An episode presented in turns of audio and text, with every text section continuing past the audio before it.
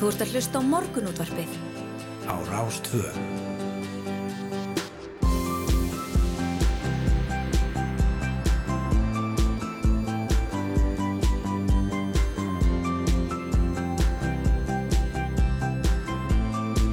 Morgunútvarpið Á Rástvö. Jú, góðan og blessaðan daginn, morgunútvarpið heldur hér á stað mándaginn 4. apríl og hér setja Snæra Sundardóttir og Yngvar Þór Björnsson. Við ætlum að vera með ykkur til klukkan nýju eins og alla virka það. Já, já, og fara við það í þætti dagsins sögufrætt hús sem rætaði fréttir fyrir fimm árum vegna Rottumítla. Var flutt af laugavegi til Keflavíkur í síðustu viku. þar sem húsið friðastóð eigundum ekki annað til bóðin að flytja það í hildsinni og við ætlum að ræða við Gretar Sigfinn eh, Sigursson, eh, núverandi eiganda húsins, eh, um ástand þessu ástæðu flutningana í byrjun þáttar um það byrj kortir yfir sjö. Einmitt, og svo er það lífstillin.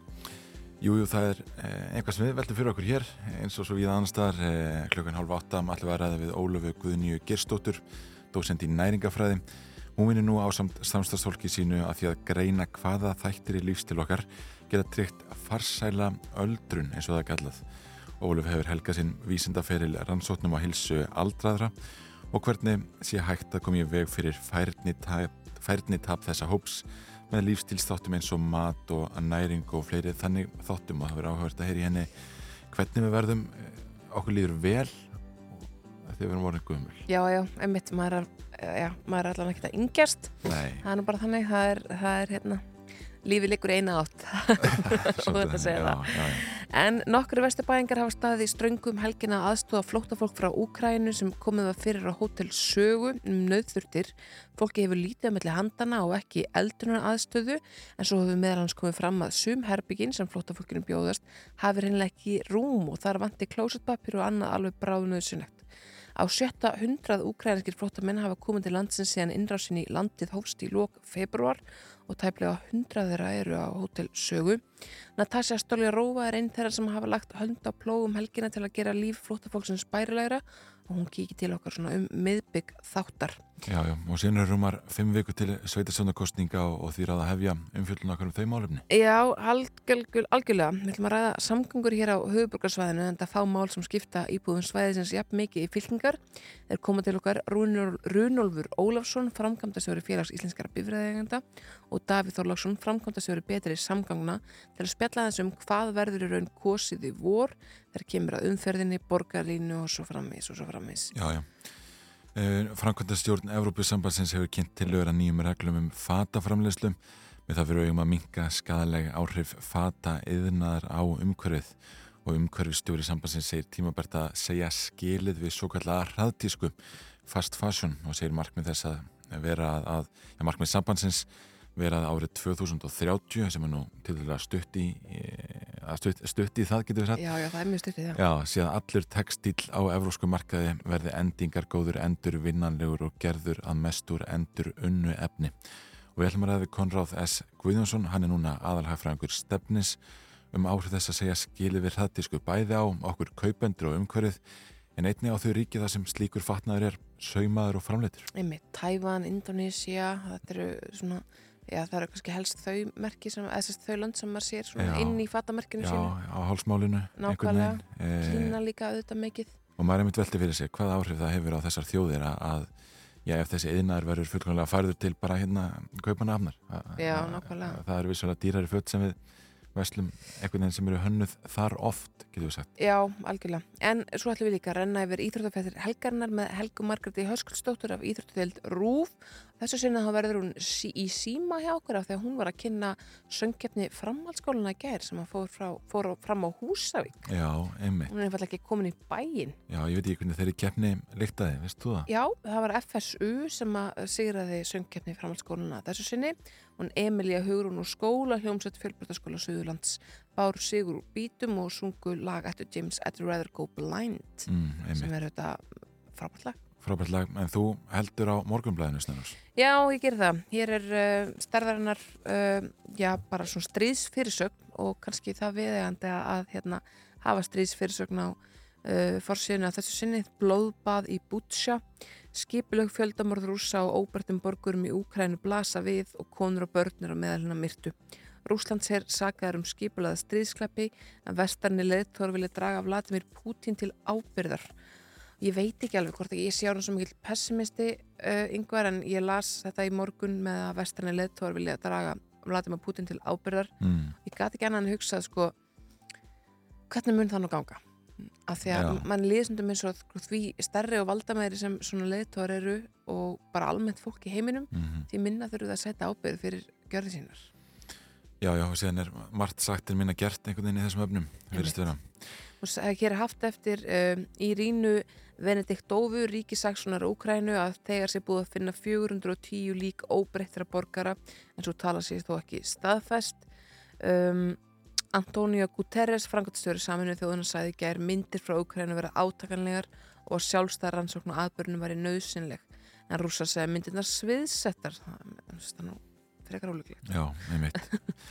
Herru, ég hef hér opnað vef rúf, það er náttúrulega frétt á allan sólarhingin er að gauðin í það að, að, að það er nótendur Truth Social þeir eru æfir vegna tæknilegra örðurleikan, Truth Social er þessi samfélagsmeil sem eh, Donald Trump fyrirvandi bandaríkjafósiti kynnti til sögunar í oktober á síðast ári Mm.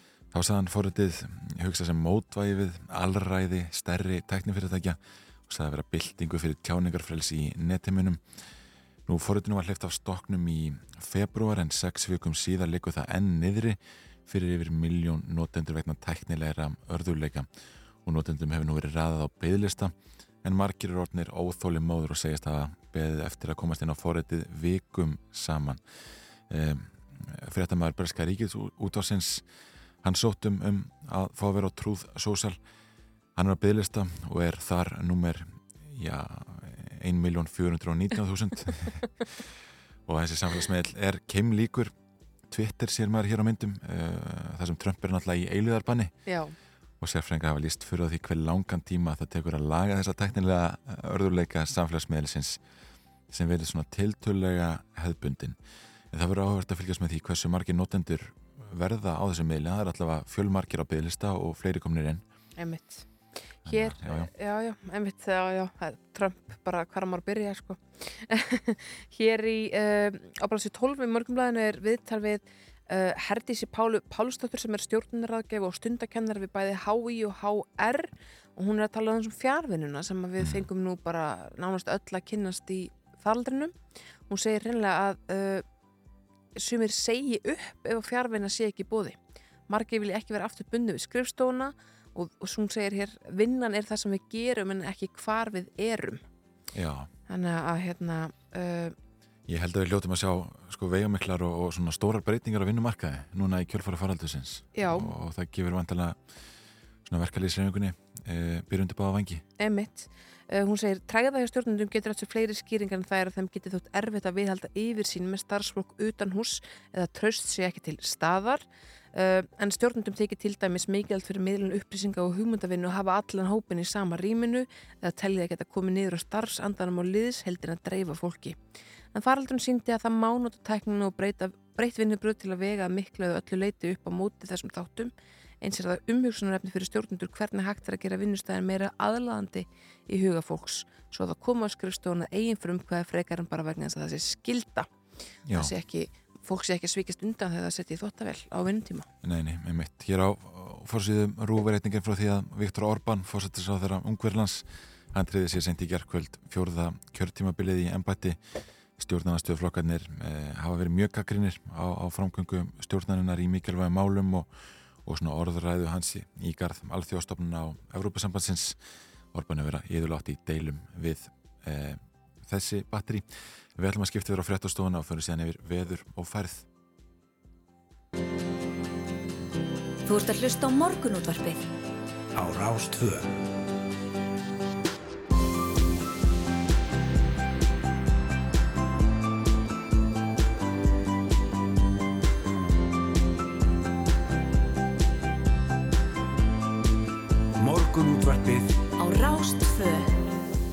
Morgun útvarpið býður góðan dag, mándaginn 4. apríl. Sjöfrættir að baki og það er yngvar Þór og Snæður og Sindradóttir sem verða hérna með ykkur til klukkan nýju og við ætlum við á fjalla Já, við ætlum að fjalla um hitt og þetta.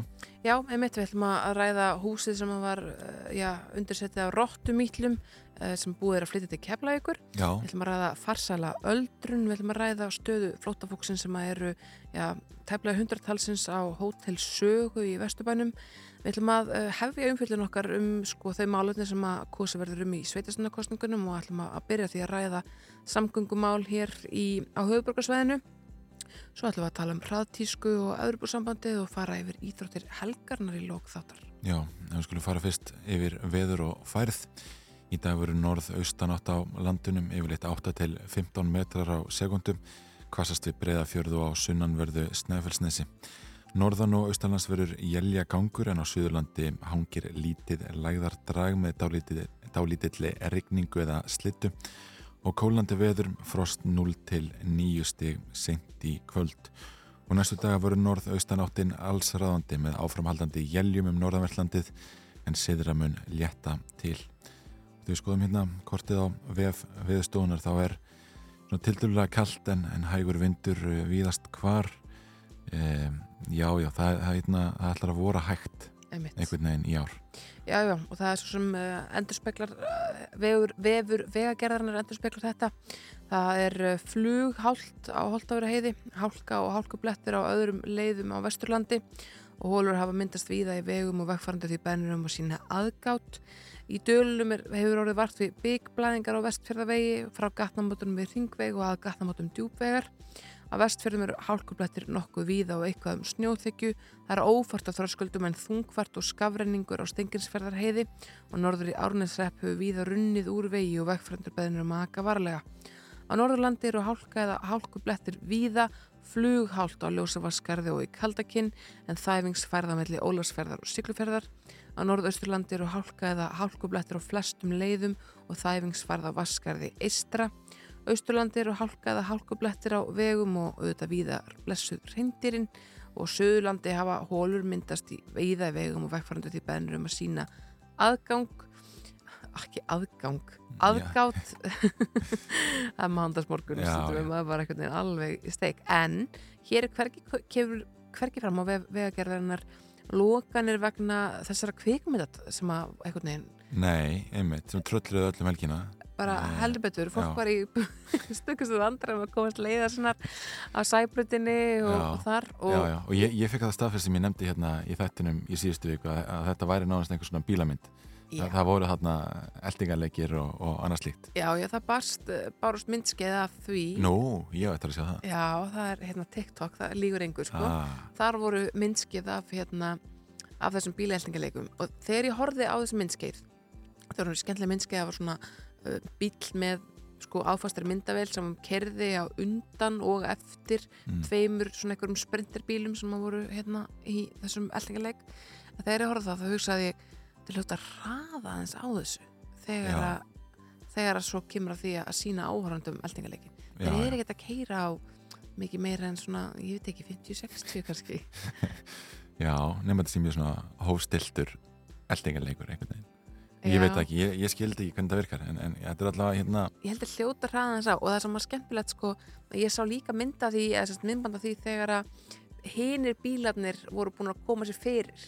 Ég var ekkert auðvitað, auðvitað er það þannig en það var sérst, þeir voru með mjög svona, það var mikið minnstur í því hvernig þeim var hérna uh, hvernig þeim var stilt upp og svo er vantilega sagt, já já, að stað já. og þá hérna byrja það að keira á svipuðum hraða þannig að, að það gangi upp hvar á að beigja og allt þetta, þetta er, þetta er mikið vísindi. Já, já, einmitt, þetta eru hvað, hvað Gail Gadot hvað, og, Já, Gail Gadot, já, já, og Jamie Dornan og, og fleiri sem eru vantilega í þessum bílum Nei, vantilega ekki nei. það eru örgulega einhverju áttuleikar Já, já, já, akkurat, en, en eiga að, að ákoma þannig vantilega út að, að þau sé að kera bíluna já. Nei, en ég veist um að þau sé sjálfa að hérna brunum sæbröðina Bara mjög ólíklega, sko Galt gata auðvitað þekktust fyrir hlutverksett sem Wonder Woman og hann eh, Dornan í 50 Shades of Grey Já, já, einmitt Já, þetta er áhugavert. Það er alltaf enga lokanir vegna þessara kvikmyndatöku í eh, þessari viku verist vera, eh, allavega ekki í dag. Nei. En um, passa sér á hrindirunum eins og alltaf aður. Já, já, já. Herru, við ætlum að fá uh, fyrsta lag dagsins. Þetta er Street by Street með Laufeyju Lín.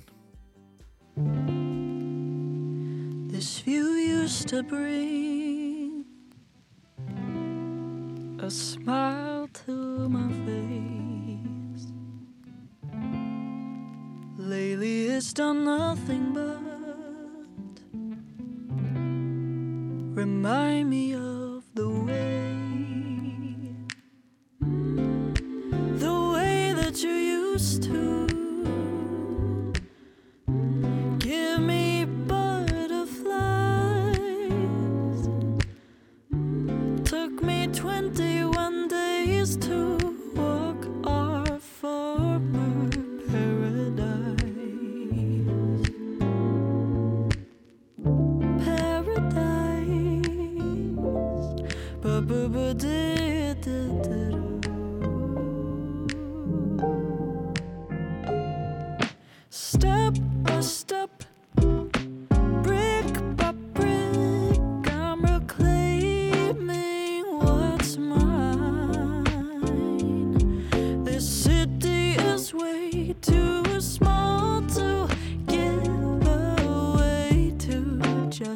one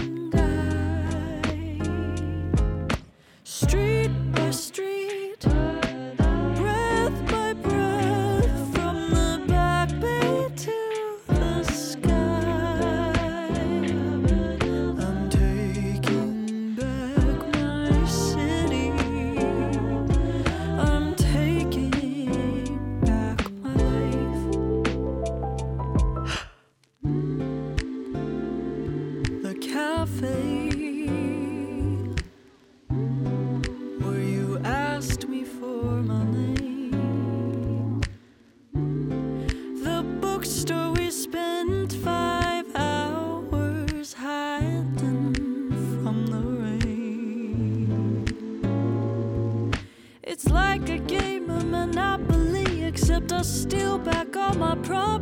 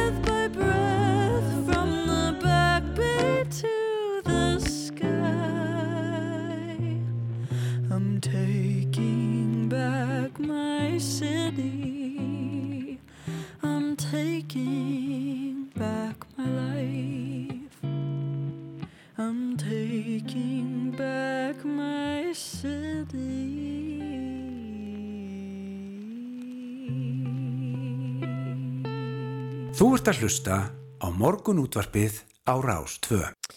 Herðu yngvar, Grammy verlunin fór fram í nótt, Já, já, það voru nákvæmlega. aðfendi í nótt. Ég sé hér á vefnum að Vladimir Zelenski fórsætti Úkrænu ávarpaði áhörundur á þeim. Já, emitt, hann sagði að, að eh, ég bað þau sem voru að horfa að gleym ekki remmingum landa sinna, stríðilegveringum að velja ekki hverju lifa af, nýja hverjir þagnað eilifum. Tónlistamenn okkar klæðast brynjum en ekki jakkafötum, þau syngja til hinn að slösuðu. Já, já, Selenski hann hefur verið að ávarpa hinn og þessa hópa undarvarna daga. Já, þetta er alltaf svolítið sérstætt þegar að, að hérna, Hollywood tekur upp á arma sér eitthvað svona málstað og, og að ég veit ekki, þetta verður eitthvað svo hjákallagt í þessu samingi, einhvern veginn allir í einhverjum glimmerkjólum og svo ávar frá blóta vissi lenski okkur stórnum skjá. Já, já, emitt. En það er svona, uh, það er svona ímslegt sem að, að hérna, kom fram á sér hátíð. Olivia Rodrigo var valin besti nýliðin. Um, og svo var íslenskur seguvegari. já, emitt. Dísela uh, Lárusdóttir, söngkona, óperusöngkona. Hún vann um, fyrir bestu óperu upptöku ársins um, á óperunni Aknaten eftir Philip, Philip Glass. Já, já, hún sem sagt söng einsöngu verkinu og hlaut í velunin og hún fyrir með hlutverk tædrottningar í óperunni sem byður á lífi og valdatíð egipska farósins Akhenaten Já, þetta er uh, mjög áhugavert og, það er náttúrulega ekki já, ekki þetta rosalega margir sem eru djúft inn í þessum óperu heimi Nei. og, og hérna uh, og þess vegna er frábært að að það sé verið að gera gott mót þar eins og annars staðar. Já, já, einmitt um, ég held nú svo sem að, að hérna en þetta er alls ekki til fyrsta skipti sem að Íslendingur vinnur Grammy-velun ég nei. Ólafur Arnalds vann þau í fyrra og, og hérna og Björk hefur unni Grammy og allt, allt hvað eina, það er ýmislegt Já, alls konar fólk sem hefur unni Grammy sko, þannig að hérna að þó að þetta séu þetta bara frábæra árangur samt hjá Dísel. Já, já, einmitt. Og velum fyrir bestu rapplut ásins hlut tæliði Creator með uh, Call, me if you, Call Me If You Get Lost og Kendrick Lamar var velunaður fyrir bestu rapptónleika ásins svo voru að Foo Fighters sem unnu velun fyrir plötuna sína og fyrir bestu rock tónleika og velun alltaf falla í skugga þessa trommari hljómsveitarinn var bara kvættur í síðasta mánuði. Já, einmitt, nákvæmlega. En svo uh, var það uh, Record of the Year Mm. sem er ekki það sama og Album of the Year. Nei, þetta er náttúrulega rosalur fjöldi viðurkenninga. Algjörlega uh, og þar unnu Silk Sonic með lagið Door Open sem við skulum heyra hér til skammastund þannig það sem að, að vekur aðtekli mína hér er að þeir hafðu betur gegn ABBA. Já, lagið I Still Have Faith in You sem hefur nú svo sem fengið að hljóma á þessari stöð ansi oft. já, já, einmitt En við skulum einmitt heyra lagið Leave the Door Open með Silk Sonic Grammy velunað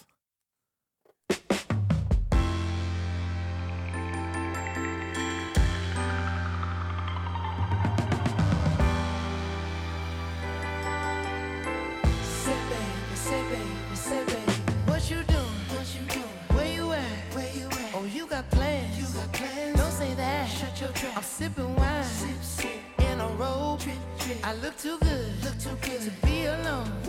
My house clean. House clean. My pool warm. Pool warm. Just shake. Smooth like a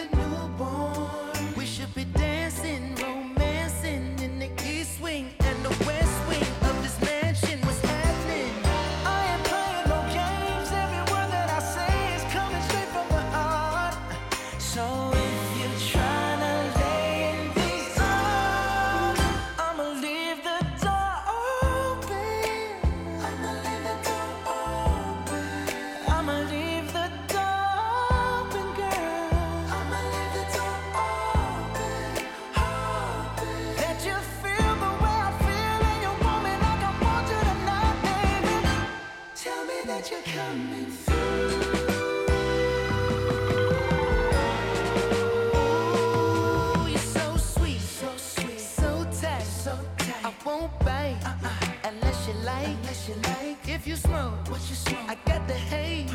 And if you're hungry, girl, I got fillets. Ooh,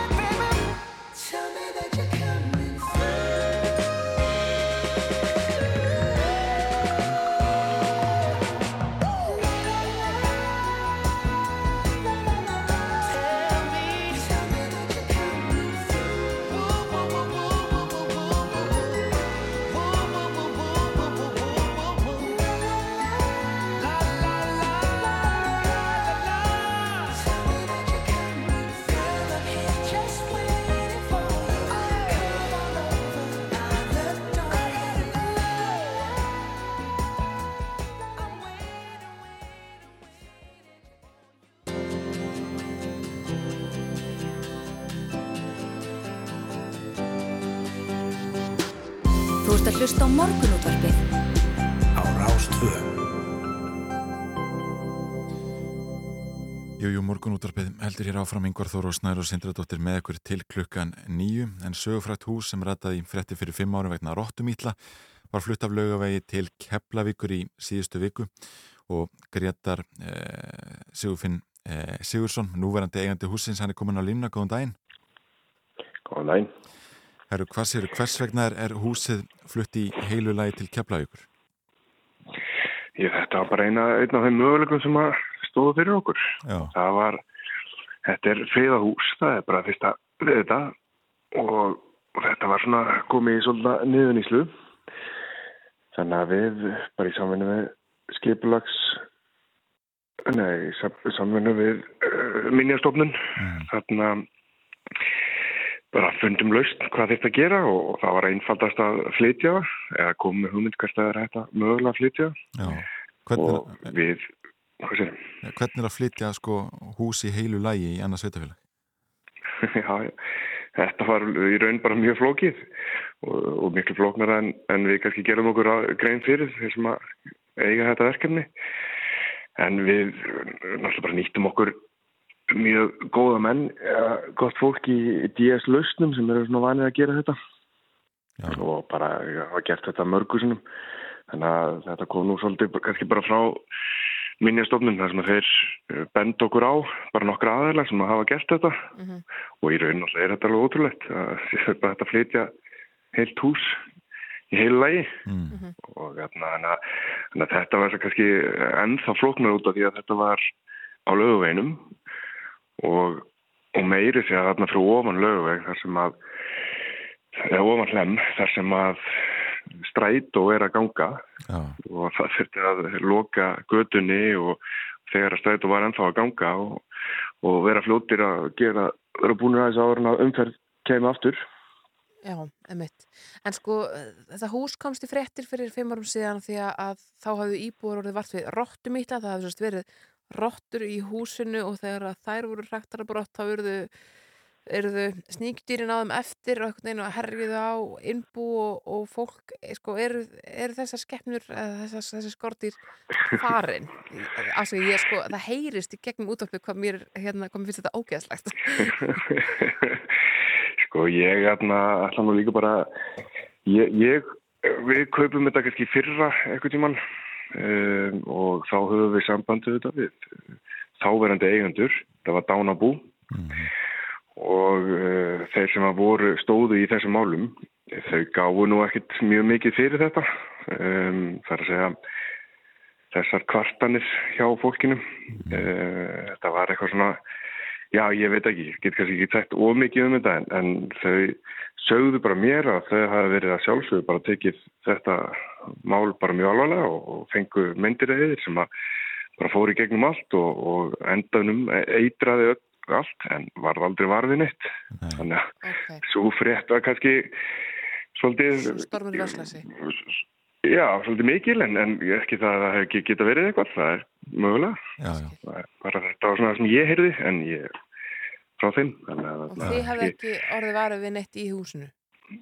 Nei, nei, og það er, þetta var eitthvað tíman, ég veit ekki eins og hvernig var þetta var, 2017 held Já. ég að, eða, eða lengra síðan og það er fullt af fólki búið að búa þarna síðan þá og meira sér svonur uh, þessa mann sem að, sem að átt þetta og hann, þau fundi aldrei fyrir neinu, þannig að þetta var nú kannski, já, eins og sé, smá stormur í vasklasi en, en mögulega, það veit ekki. já, já, einmitt. En þeir eru að flytja sko þetta hús af laugavegi og þetta er svona hús sem kannski margir kannast við að hafa kert fram hjá og, og einmitt, stræt og farþegar muna eftir. Hvað kemur í stað þessa hús á, á þessum stað á laugavegi? Já, ég held veit í raun er þetta svolítið út úr kú þetta hús þarna í augnablikinu. Það er, það er búið að byggja bara miklu, miklu meira ekki síðustu hundra árin og, og það stendur bara eitt í svolítið niðuníslu þannig að hugmyndin er að byggja meira í, í svona eins og bara byggingalínan er og þannig að hugmyndin er eh, sex íbúður sem við erum að gera þarna Já, einmitt. og bara svona jafn hátt og jafn breytt og jafn látt og næst, næstu hús. Já, Já, og, og, það sé svona götu myndin. já, já, og hvar verður þetta hús sett nefur í, í Keflavík? Herru, þetta er á Bergvei uh, sem er sem er í keflaðið alveg við sjóin uh, svona nýleitt hverfi sem eru með nokkur svona þarna, hús sem, sem hafa verið flutt þangað og þetta er svona hverfi í uppbyggingu. Og þar munum við bara gera þetta hús upp og þetta eru tvær íbúður þetta hús eitthvað tíma leiður fyrir að vera með kjallar íbúð og það sem við gerum þar við, við steiftum upp kjallaran og erum að erum bara að gera nákvæmlega eins hús og meira sem meira í ættu hvernig þetta var. Það er búið að byggja smá við þetta í gegn tíðina og, og, og mála og gera einmislegt við erum bara að gera þetta nákvæmlega upp eins og friða húsið sagði til um. Gaman að heyra þessu Gretar Sigfinnur Sigurðarsson Takk. Kærlega fyrir að vera línunni hjá okkur. Það er ekki máli Slagi bæbari, blæsróka Egið Lólafs, Snómas Baby og blaga motherfucker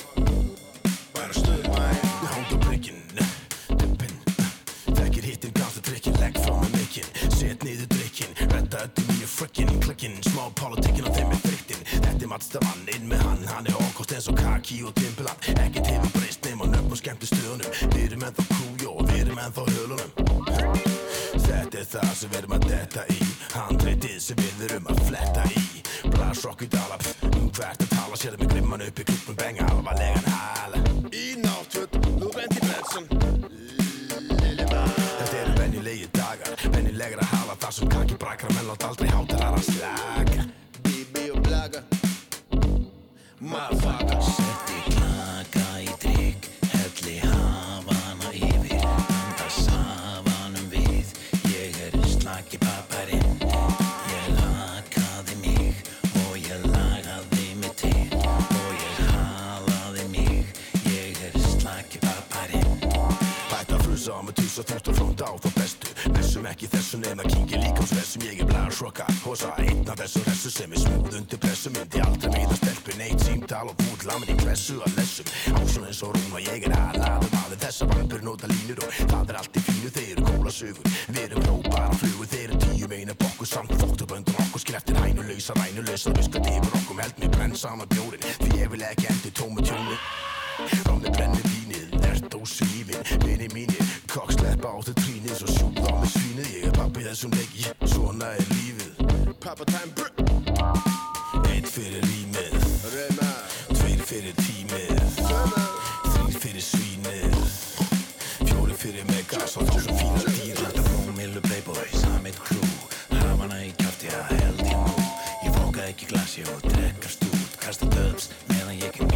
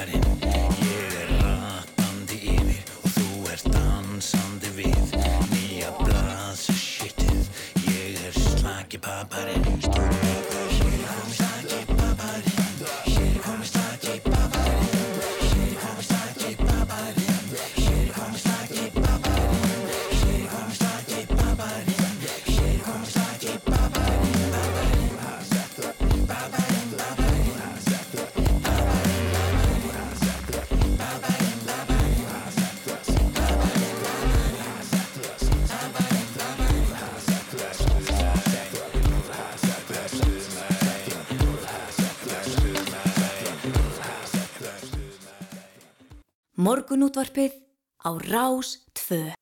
Morgunúndarpið heldur hér áfram Yngvar Þór og Snæður og Sindradóttir með ykkur og við ætlum að ræða farsæla öldrun en Ólaf Guðunni Gerstóttir dósent í næringafræði kominninga til okkar Góðan daginn Góðan daginn.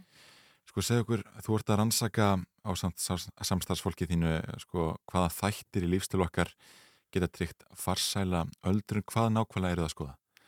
Það sem við erum nákvæmlega að skoða er svona lífstilsþættir eins og bara fæðuval, eh, hvernig maður bara svona reyfi sig, hvort maður er að reyfa sig og svona eh, hvern, líka svona sem félagslega. Mm. Því að hérna það að vera heilbreyður er ekki bara það að líka maður sé heilbreyður, við þurfum líka að vera andlega heilbreyð, við þurfum að líða vel svo þurfum við að vera með eitthvað félagslega tengingar því að við höfum alveg rannsóknir sem sína það að, að þeir sem að er í góðu félagslegu kontakt, eiga góðu vini, eiga, er í góðu tegislu fjölskylduna sína, þeir eldast betur. Þá er það ekki bara líkaminn. Nei, En það sem að við erum að horfa á er hérna, hvernig við getum haft áhrif á heilsuna, jáfnvel bara frá leikskólaaldri eða bara frá fæðingurinn, að því að við erum að nota fæðingagögn og hérna, og hvernig svona lífið hefur áhrif á okkur og ákvarðnar sem við tökum og á það hvernig við munum eldast. Í rauninni sko skilgreinu við farsar öldrun að við, að við eigum full líf, líf sem við höfum kosið sjálf og hérna alla æfi.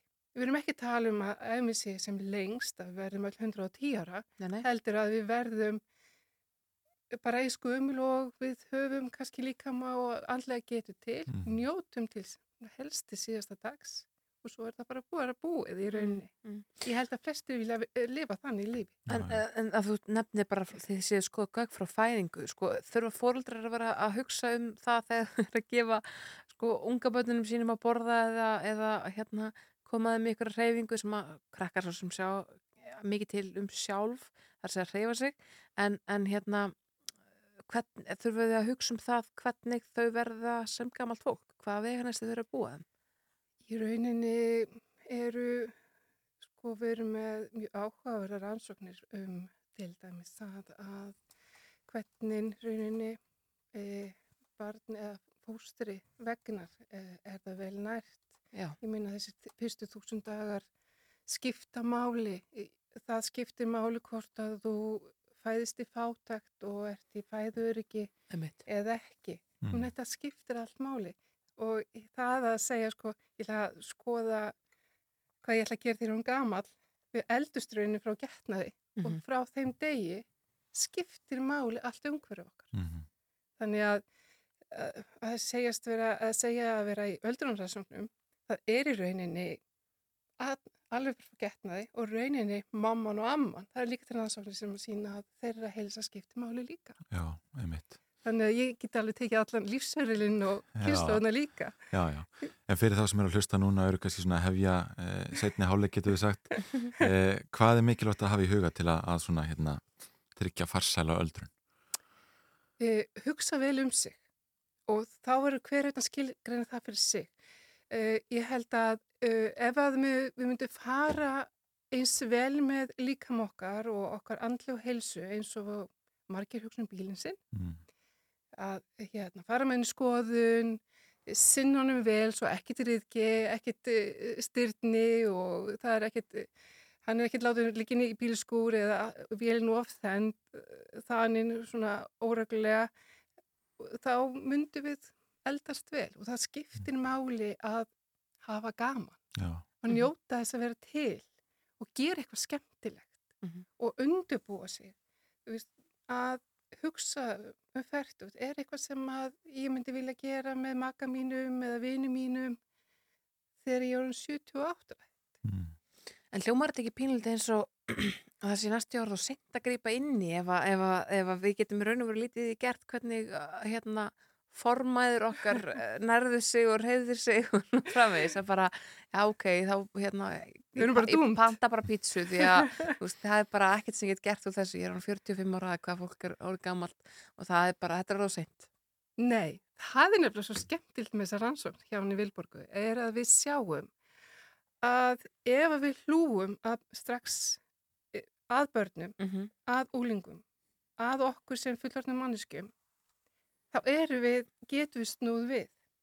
Og það er, það er alveg, þó að við höfum fengið, hvað maður segja, við lítum að genamengið okkar eða forsögu maður okkar hérna eins og spil og þá getum við fengið vond spil. Mhm.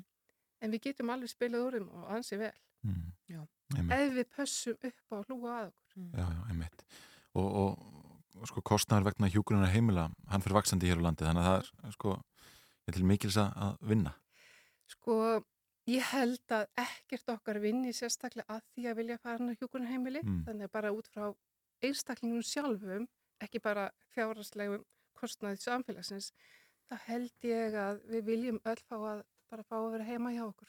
Já, já, Mhm. einmitt. Hvernig er þetta á Íslandi svona ef við berum okkur saman við önnur löndi kringum okkur? Eru við að, að, að stuðla að farselli öldrun hér? Erum eldustu vel? E- Eldustu vel og, og manni líður oft eins og Íslendingar vinni mikið og, og sofi lítið? Já, uh, nei, sko þetta er alveg mjög flókið samspil. Uh, við förum til tölja ung inn á öldrunarheimili miða við aðrar þjóðir, Mm. en það er náttúrulega minni hluti sem á öldrunarheimili.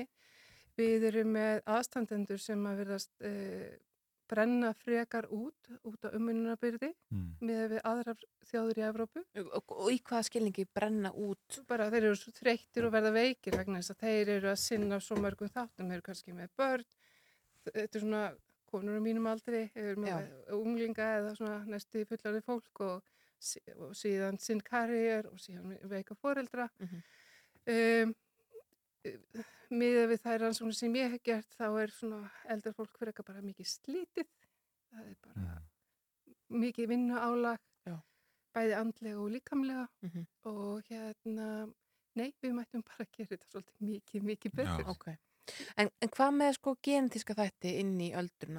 Sumt fólk sér maður um þessu bara, herruðu, hérna, þú veist, genetíst eldist þessi hraðar að minnst eitthvað útlitslega og svo framvegs. Hversu mikið spila þeir þættir inn í? Erða, erðafræðileg þættir?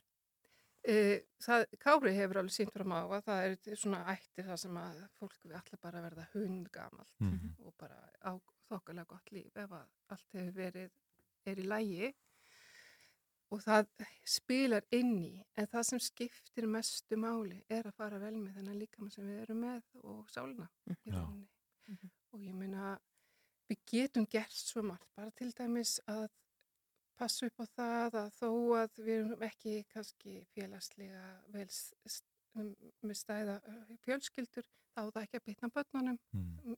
persónum myndi mér finnast að það ætti að gefa öllum börnum bara frýtt að borða í skólum og og leikskólum. Mhm. þetta er ekki eitthvað fjárháslega byrði því að þetta skiptir máli upp á framtíðina hvað þú borðar á hverjum fimm daga vikunar út skólaæfina og þetta á að vera holdt og þetta á að vera gott. Við eigum að hlúa að framtíðinni því að ef við gerum það þá erum við hægt að tala um kostnað Já. þá erum við að fara að tala um bara lífsgæð og hvað skiptir máli Ég held að þetta sé ágætt lokaverð Ólöf Guðni Gerstóttir, dósend í næringafræði. Takk fyrir að vakna með okkur hérna í morgun útvarpinu. Takk fyrir að fá mig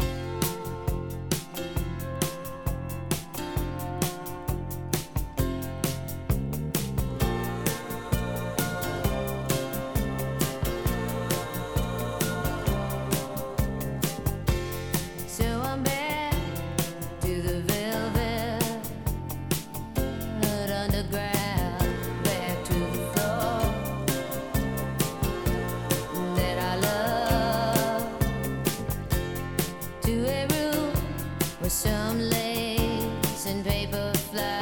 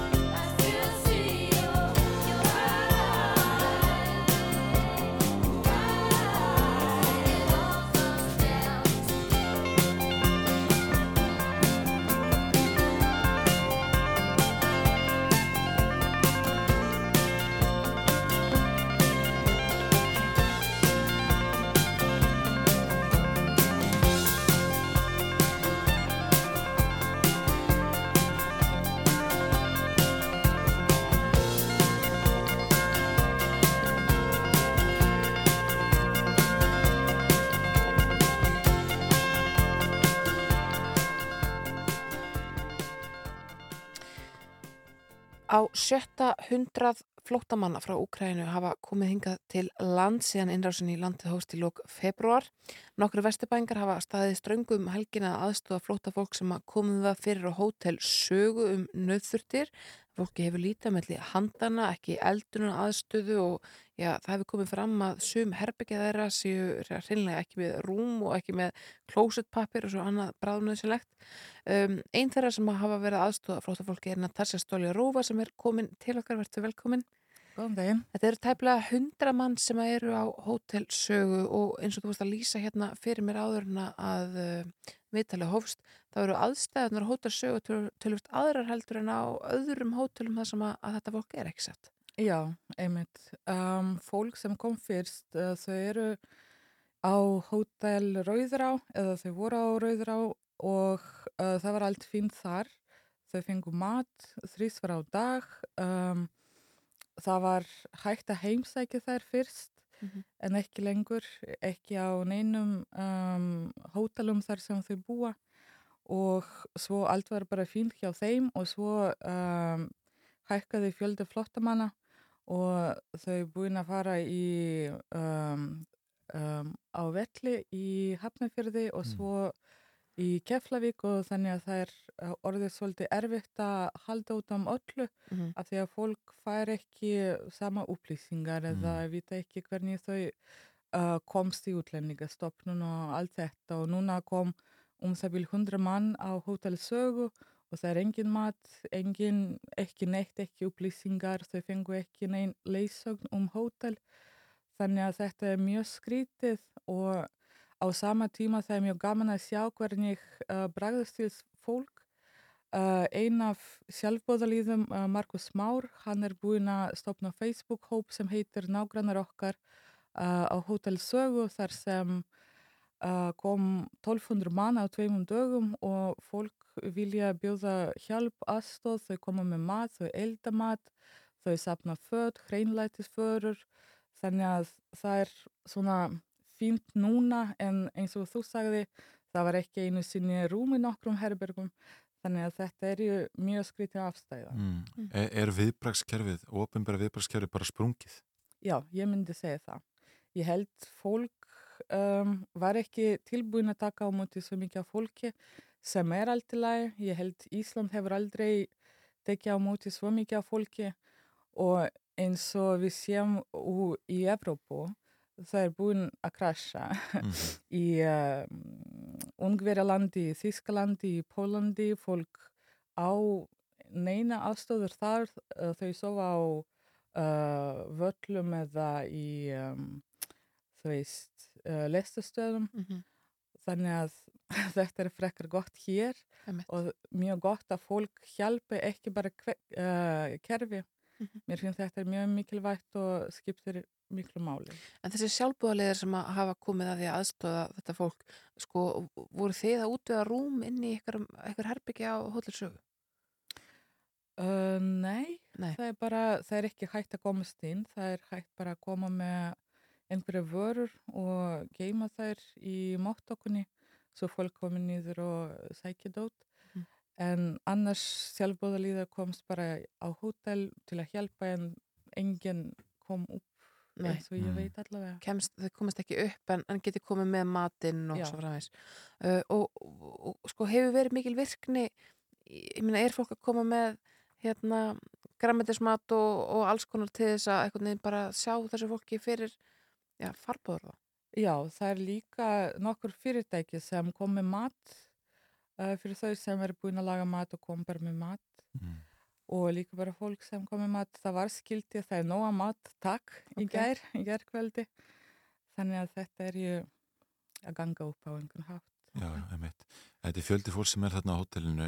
Er þetta fólk farið að taka þátt einhvern veginn í, í, í samfélaginu sérst, að, að, að hérna í, í veist, það er erfitt að segja fólk er, ég held allir sem koma er svolítið í áfalli Mhm. ekki bara uh, af því að það er stríð í Ukrænu, heldur af því að þau þurfti að flytja og þau vita ekki neitt, þau þekki enginn, þau vita bara ekki hvernig að byggja upp nýtt líf hér, hvað Mhm. verður það lengi, þú veist, þannig að ég held ekki fólk er með neinn plön í.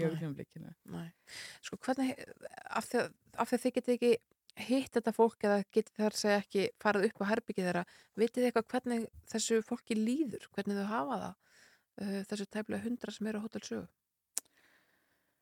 Um, ég, ég held fólk bjóst ekki við að hafa svona luxury aðstöður yfir höfuð, þannig að ég held fólk er bara þakklátt fyrir það sem þau fær og Mhm. þau sé mikið að stuðning frá fólki og hjá kerfi jafnvel, þannig að það sem ég tók eftir að fólk kvartar ekki mjög mikið, þau bara þakklátt samt það er svolítið erfitt augljóslega en þegar fólk sér að fólk vilja hjálpa og þau gera það að koma með tannbursta, tannkrem, dömubindi, bleiur og allt þetta þannig að svona basic needs eru covered Mhm.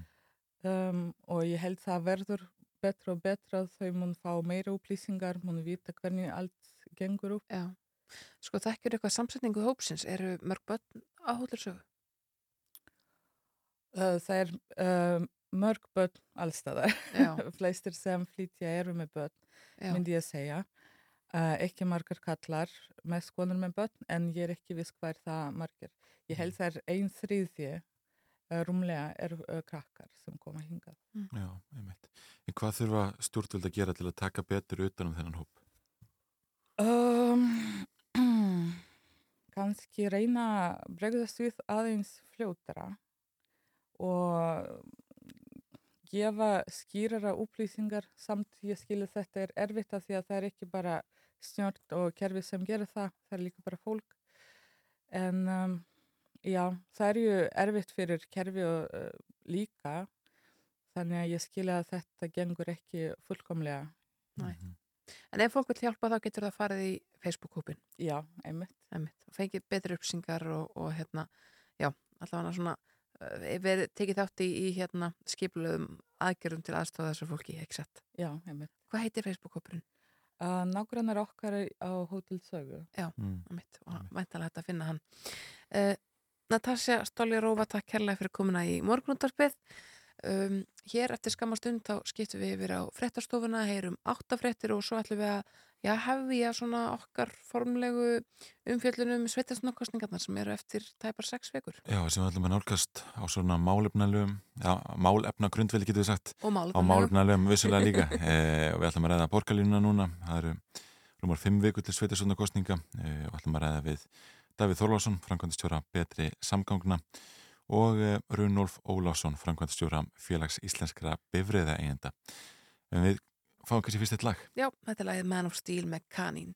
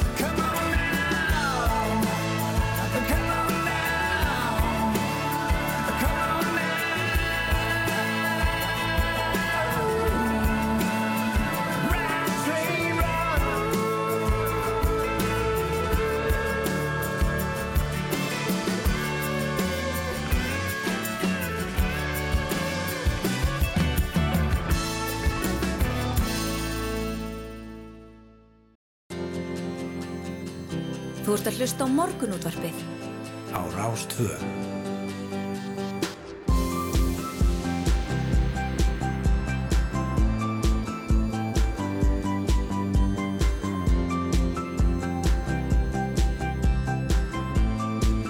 Morgunútvarpið á Rástvö.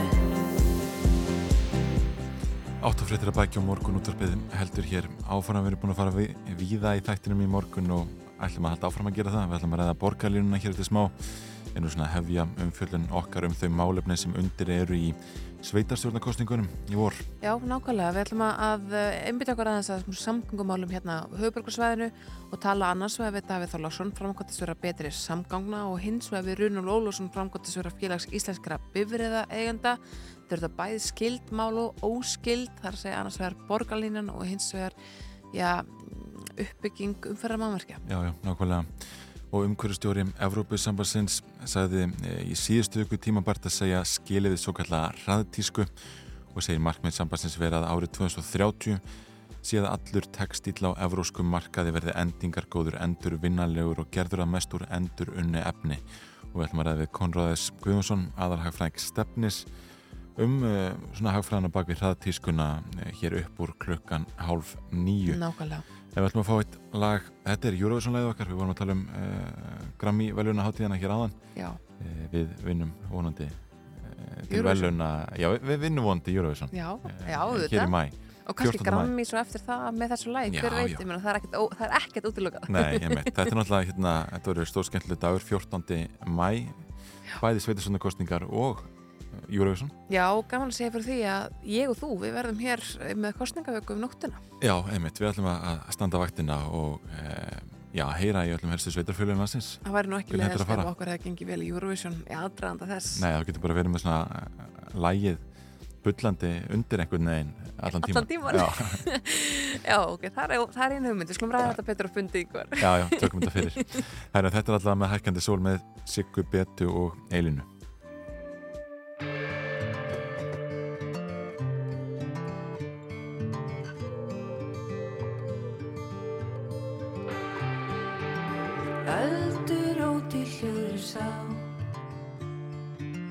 Þrautin þungum vafinn sorgar sárin. Þrá sem laðar, brennur sem bá Liggur í leiði, leindar mann. Þeir, þeir Ljósar skiptum fær að sjá.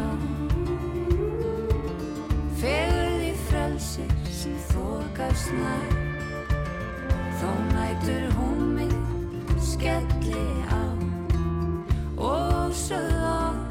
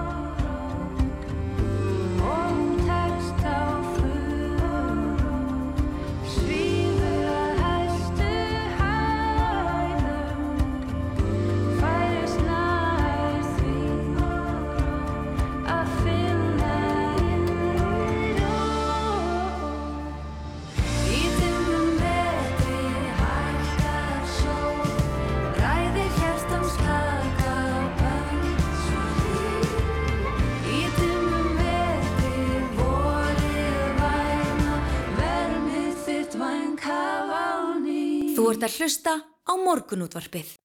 Já, það eru rúmar fimm viku til sveitisvöldnarkostninga eins og við nefndum hér áðan og því ráða hefja umfjöldun okkar um þau málefni sem að undir eru fyrir kostningarnar. Við ætlum að byrja svona hefja leika með því að ræða samgöngur hér á höfuborgarsvæðinu en það kannski fá mál sem skipta íbúum svæðisins jafn mikið fylkingar. Það eru komin til okkar Runur Ólfsson, framkvæmtastjóri félags íslenskra bifræðeiganda og Davíð Þorlarsson, framkvæmtastjóri betri samgangna. Verið velkomið báðið tver. Takk. Uh, ég held að sé bara óumdeilt að uh, sko samgöngur, umferð, borgarlína, allir þessi hlutir verða hérna mikið rættir í aðdraganda þessara kostninga að minnst eitthvað hér á höfuborgarsvæðinu.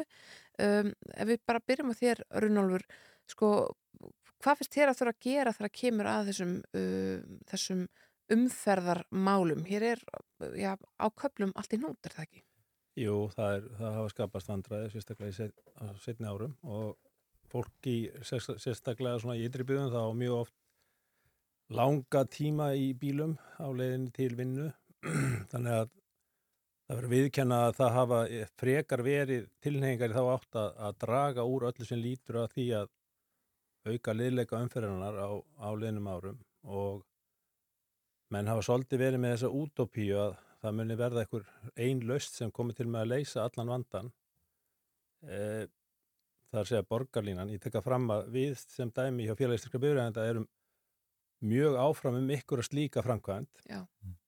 en, en vildum kannski sjá aðeins aðra útvæslu heldur en þessi, þessar, þessar áallanir gera ráð fyrir eins og þetta er núna í allagana Mm.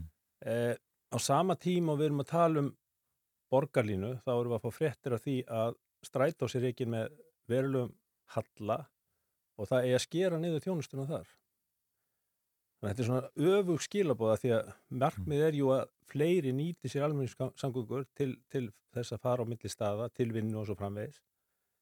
E, þá er í rauninni sá hópur sem á að vera markhópurinn fyrir þessa þessa hérna, samgöngu valkost honum er gert það í dag að búa við skertari þjónustu. Já. og svo þetta eh, eins og ég segi það til lengri tíma þá er þetta er, er útópían svo að við viljum sjá sem, sem mest og besta möguleika fyrir borgarana til þess að hjóla, til þess að ganga til þess að vera á engabílnum og hafa góðan aðgang á almenningssamgöngum. Og það sé tryggt að sem mest öryggi sé á milli ólíkra samgöngum á það það sé aðgreining og svo framvegis. Við eigum svolítið í land sem, sem samfélag. Að því að ég hef oft rifjað upp að fyrir 35 ára þá bjóð ég í Svíþjóð í svona 60-70 manna bæ. Það var á einu stað í bænum þar sem ég þurfti að fara yfir umferðaræði og það var á, á, á ljósum. Mm. annars voru hjólastíðarnir allir bara í greiðri leið. Þannig að eh, já, eins og ég segi góða samgöngur eru líki latri og þetta er bara líki latri í sambandi við rekstur samfélagsins Mm.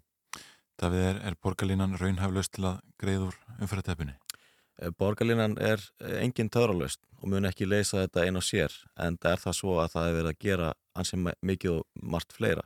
Ég er alveg sammála raunólu með það að þetta snýst um, eða í mínum huga snýst þetta um fjölbreytta hérna, ferðamáta, að fólk hafi frelsi til þess að velja sér þann ferðamáta sem hendar í hver skipti Eh, okkar hlutverk á betri samgöngum er að hrinda í framkvæmt samgöngu sáttmálanum sem að ríkið og sveitafélaguna höfburgarsæðinu gerði 2019. Hann gerir ráð fyrir rúmlega 50 miljardar krónar fjárfestingu í stoppi fyrir engabílinn, tæplega 50 miljardum uh, fyrir borgarlínuna, 10 miljardar í hjóla og göngustíða tæplega og tæplega 10 miljardar í aðrar aðgeri sem að stuðla bættu öryggi og flæði. Þessu til viðbótar er síðan er, eru ríkið og Reykjavíkborg að, að búin að búa til áallun uh, fyrir hérna sundabrautina. Hún mun kosta á bílinu eftir hvað útastla verður fyrir valinu 69 til 83 miljardar þannig að í heildina er verið að fjárfesta fyrir 120 miljardar þessu 15 ára tíanbíli fyrir engabílin eh, sem er já, meira en tvöfalt meira en það sem settir í borgarlínuna. Þannig ég vil bara svona halda því til haga að það er verið að gera ansem margt Þetta er auðvitað stærsta áttak sem farið hefur verið í, í samgöngubótum í, í sögunni. Þannig að, en auðvitað erum við á byrjunarreit, þetta samkomlag var gert í lokás 2019. Við vitum það að hönnun og skipilagsferðli tekur, tekur sinn tíma. Þannig að um, ég held að í rauninni, það er, við erum alltaf tilbúin að leita leið að það er ekki, vandamáli þarna er ekki vilji eða fjárskostur. Uh, vandin þetta tekur tíma eins og segi það er lögbundi skipilagsferðli sem þarf að fara í gegnum það er hannunarferðli og vegna þess að það hefur sjálfsér ekki mikið gerst í þessum málaflokki á höfburgarsæðinu síðustu árin mm -hmm.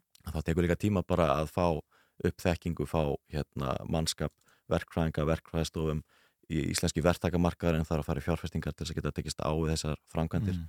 þannig að þetta tekur tíma uh, en við erum bara allavega gert til þess að reyna að að passa upp á áallanir standist og Mm. þetta gangi vel upp. Sko Runalur, það sem að, að Davíð er að segja þetta hljómar gríðilega vel um, ef, ef þetta gengur allt saman eftir, sér þú fyrir þér að eftir 15 ár þá þurfum við ekkert að sitja hérna í útarpinu og ræða umframnúta og, og tilhengandi vandræði fyrir reykabílin? Það væri auðvitað óskandi að svo væri en ég aðeins kom inn á að eitt að hann sagði fyrir engabílin, málið er að engabílin hann er ekki persóna Nei. Það er fólki sem fer sinna ferða. Þannig að eh, og hverju á að borga?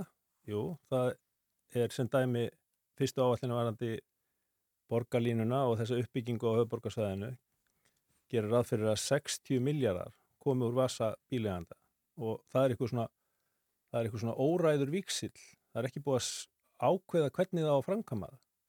Hugmyndir voru um tíma að fara í eitthvað svona vegtolla þar sem að myndavela búnaður væri inn á alla stoppbrautir e, það vantar alveg pólitísku umræðinu um það. Á til dæmis að leggja sama gjaldið á 30 miljón krónar bílinn og 500 krónar bílinn sem annars vegar er kannski 500 krónar bílinn er 1 tonn og hinn bílinn er 3 tonn. Mhm. eh, hvernig er hugmyndafræðina bak við þetta? Það vantar alveg þessa, þessa nálgun. En eins og ég segi það er ykkur, ykkur víksill þarna sem er bara, það er bara sett út í, í kosmósi að bílegundur eiga að borga þetta og uh, það finnst mér ekki góð pólitík. Og við bara bendum á það að þessi þáttur í, í hérna lífi borgarana er mjög dýr og kostnaðsamur að eiga og reka bíl vegna samgána við erum með þjónustu sem er margt er þannig að það er erfitt að komast sinna leiða eða jafnvel að sinna sínu daglega lífi án bíls. Við sem dæmi vitum það að unga fólki sem er að koma með börnin á leikskóla, það þarf kannski að byrja á því að fara úr vesturbæðu upp í breiðholt til að koma börnin á leikskóla, af því að það er ekki frambóð af leikskólaplási á sumu, í sumu borgarhlutum. Þannig að það veri erfitt að gera það til að mynda núna þegar á að fara að skerða þjónustu strætó. Mm. Þannig að e, það, þessa hluti tel ég að verða ræð og svo vil ég aðeins benda á það að þegar að, að því það var samnýta borgarlínukerfið og strætókerfið og það hefur verið vinna við það 2019 var settu vinnuhópur að stað Mhm. og að því komu sveitafélagin 6 inn á höfborgarsæðinu, samtök sveitafélag á höfborgarsæðinu e, framkvæmdaðalega við borgarlínuverkefnið og hérna og ein, ein utanakomandi samtök jú, samgönguráðandi og ein utanakomandi samtök samtökum bíllösa lífstíl okkar samtökum var ekki búið að þessu borði Nei, einmitt. Eh, samband sveitarfélag á höfuborgarsvæðinu kalla eftir því fyrir einhverju síðan að ríki myndi styðja við ja, markmið sínum breyttar ferðavennjur með eh, mjög auknum framlegum til almenningssamgangna.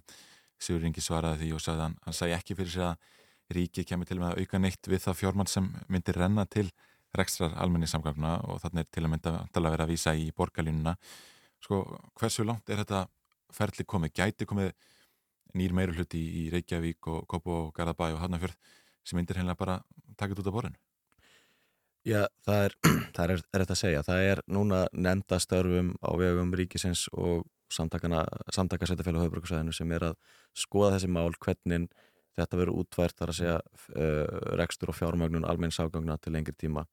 Hún áttir endur að skila sér um áramótin síðustu en, en það er einhver, einhver dráttur þarna.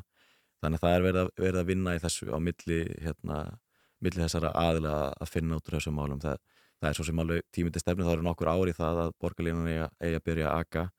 Þannig að það, það, þetta er í sjálfsér í góðum farvegi núna. Það liggur fyrir að, að aukin rekstrakostnaður við uh, nýtliða kerfistræt og, og borgarlínuna er um 1,5 miljardur króna á ári. Ríkið hefur verið að setja um tæplega miljardar ári núna í, í þetta síðustu árin.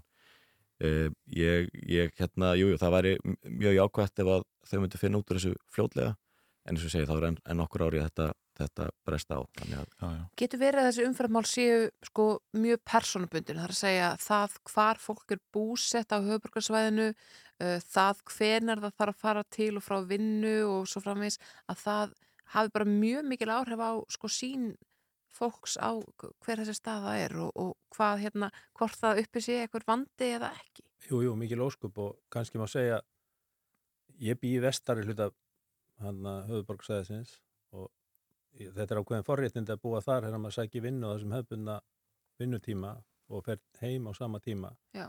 Það er ekki, ekki mikil vandræði með umferðina þar en svo er vinnufélag mínir og fólk bara sem ég þekki sem að til að mynda býr í nágrann sveitafélögum eða, eða upp í breiðalti eða gráfói og svo framvegis það fólk uh, þarf að gera ráð fyrir að, að fara úr 101 og í þess, þessa, þessa hluta bæjar landsins á kannski upp undir hálftíma á hverjum degi og svo geta komið upp ykkur óvænt atvik eins og áreikstur á einu staði bænum getur trubla alla umferð. Já. og það er eitthvað sem að verðum verða líka að meta varandi flæði umferðar. Þetta er, þetta er okkar tími við viljum kannski frekar eiga 30 auka mínútur með börnunum okkar eða fjölskyldunni frekar en að vera að eiga þetta í, í samgöngum og við sjáum Sem að kannski nýtast ef maður er í borgarlínuna, getur unnið, en sko- en, vinnur ykkur en verk. svo vitum við það að borgarlínan er hugsuð út frá okkur kjörnum Já. og er svona hraðlínu hérna, kerfi Mhm. það er unni, þú þarft síðan ef þú ert í ytri rými kjarnans þá þarf að koma þér að sko bóðleið borgarlínunar og svo ferðu þessa hraðleið og síðan þarfst að koma þér þaðan fyrir þann sem býr í grávogi utarlega og þarf að koma sér út að selti þannig eða öfugt, þá er það orðið svolítið mikið mál. Mhm. og það eru tveir skipti vagnar á leiðinni. Þannig að hérna, við höfðum þessi hérna í gamla þetta tíðari strætósamgöngur heldur en við höfum í dag. Við höfðum hraðleiðir. Eh, ég er ekki viss um að við þurfum að fara í eitthvað svona eitthvað útopíu framkvæmt, þetta er eins og einhver sagði það er eins og menn sé svo uppteknar á umbúðunum Mm. þetta er aðalega spurningum að koma fólki á milli staða með sem örugustum og greiðustum hætti og gera það líka þannig að skattgreiðendur sé ekki að blæða óeðlega fyrir það Já, einmitt. Sko, Raunólfur talar hérna um, um uh, útópí og, og bendur á það einmitt að stræta þurfi núna vegna aðalsækjara að svona draga saman þjónustu sem er náttúrulega einhverju leiti vegna kórnuveri faraldusins. En þegar við lítum einhvern veginn á borgarlínuna, uh, sko, þá, þá er þetta, þetta eru lengri vagnar, sko, þetta, þetta lítur svolítið út eins og, eins og lengri strætisvagnar sem eru bláir og fá sér akrinnar. Eh, Sko, að hvað leiti er þetta frábriður strætu og ætti, uh, ættu fleiri að nota þetta en, en strætu og samgöngur? Uh, já, þetta, þetta er, þetta er frábröðið strætó eins og nefnir að þessu leiti og að því leiti að hugsunin er svo að reyna að flytja sem, sem flest fólk á sér styrstum tíma í stað þess eins og hérna, hefbundin strætókerfi eru hugsuð til þess að ná yfir sem mest svæði af höfborgarsæðinu. Þannig að þetta er alveg grundvalda breyting. Uh, ég hafna því að þetta sé einhver útópía. Uh, ég, ég hef notað svolítið hérna uh, samanböru við gullbrá á bytnina þrjá. Höfborgarsæðið er of lítið til þess að bera léttlest, sporvagn eða neðaralest, það væri alltaf mikil fjárfesting sem myndi ekki vera jafn arbær fyrir höfborgarsæðið því það er of lítið. En við erum eins og vera of stór til þess að vera ekki til þess að vera bara með hefðbundna uh, strætisvagnakerfið og ef við skoðum bara sambarlegar uh, borgir á Norðurlöndum að sambarlegri stærð þá er þetta svo leið sem þær eru margar að fara og þetta mun, þetta he- hefur hefnast vel það sem menn hafa vandað til verka en þá er þetta mikilvægt að sveitafélagin og ríkið uh, styðji við reksturinn og hjá okkur á betri samgöngum. Okkur er ætlað að hérna, sjá um að búa til innviðina og það er að, að hérna, fullu fjármagnað til áallunum það hvernig það er fjármagnað þarna þarf að taka ákvarðanir um, um það hvernig reksturinn er fjármagnaður. Mm. Kannski bara í þið, hafið ekki trúið því að þessi mál, bæði borgarlínan og, og hérna, umferðan hnútar og svo framvegis verði stóra kostningamálið eða, eða er eitthvað annað sem þið sjáu eða að taki kannski sviðið frekar? Eftir því sko- sem að nær líður. það má kannski segja að þetta hefur verið óvinni hljótt um komandi sveitastöðankostningar að hitamálin eru vantalega ekki komin upp á yfirborðið ég gerir að fyrir að þetta sé eitt af stórum málunum sérstaklega inn á höfðborgarsæðinu en hérna, það má ekki gleyma því reyndar aðeins bara, komum ekki inn hér en við erum, erum á mjög spennandi tímum. Það er að, hefur átt sér stað mikil þróun varðandi samgöngur, við erum að fara í orkuskipti. Við erum jú að sjá það að sjálfvakandi bílar eru orðin raunveruleg þó þessi ekki orðin praktískir eins og er og er- verða það inn í framtíðina. Já. við erum að sjá svona deili hagkerfi og líka deili hérna miðlun eins og til dæmis fyrir nokkrum árum var ég, satt ég með manni sem að bjó í San Francisco og hann, hann sótti vinnu handan brúarinn í miðbæ og hann notaði alltaf svona einhvers konar Uber liftkerfi þar sem hann deildi bíl með þremur öðrum og eins og hann sagði áður hafði hann alltaf farið á engabílinu sínum á strætóstöðun og þaðan yfir og svo gengi síðasta spölin að þarna fóra frá A til B og hann vildi meina að kostnaður sinn væri minni heldur en að var áður og hann byrjaði að vinna í bílnum þannig að þetta var svona ákveðin hagkvæmni af því að við viljum heldur ekki sjá tóma vagna liðast um sko, þröngar götur. En, en eins og ég segi þetta, mér finnst vantaðans líka umræðinu um þetta hvernig þetta getur komið inn í erum við of föst í einhverjum gömlum kerfum? Og varandi þetta að það sé greið leið og fólk komi og sé þegar búið að borga fargjaldi það er eitthvað sem við þekkjum úr nágranna löndum okkar í ára raðir Mm. og ver, ver, kerfi sem virka mjög vel ykkur hluta vegna hafa menn tekið upp kerfi hér sem virka ekki ennþá Ég er svona hrættur um að við komist ekki lengra í, í þetta skipti. Eh, Þetta er alltaf áhugavert að ræða samgöngumálinn og borgarlínuna. Takk fyrir komuna Davíð Þólásson og Runólfur Ólásson. Takk. Við fyrir að skipta yfir á frettastofu og ætlum svo að ræða uh, já, tískuna nema kannski á svona aðeins við praktiskari nótum. Já, er alltaf að hraðtísku og, og Európusambandið. Eh, Európusambandið segir hraðtísku stríð á hendur. Yes. En fyrst uh, frétta yfirleitt frá frettastofu Ríksjótasins.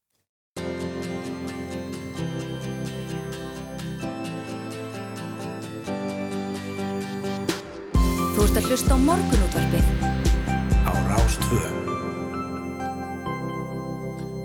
Við vorum alveg að ræða borgarlínuna og samgöngumálinn hér við Davíð Þorlásson og Runolf Ólafsson þannig að þetta nálgast að viðtala eins og allt okkar efni á rúf.is en nú ætlum við að ræða aðeins hraðtísku og, og stefnu og, og ströyma hvað var þar svona, já, hagkerfið þeirra getur við sagt Já, já. Frankvænta stjórn Európusambassins hefur kynnt til lögur að nýjum reglum um fata framleiðslu með það fyrir augum að minka skadaleg áhrif fata yðinnaðar á umhverfið.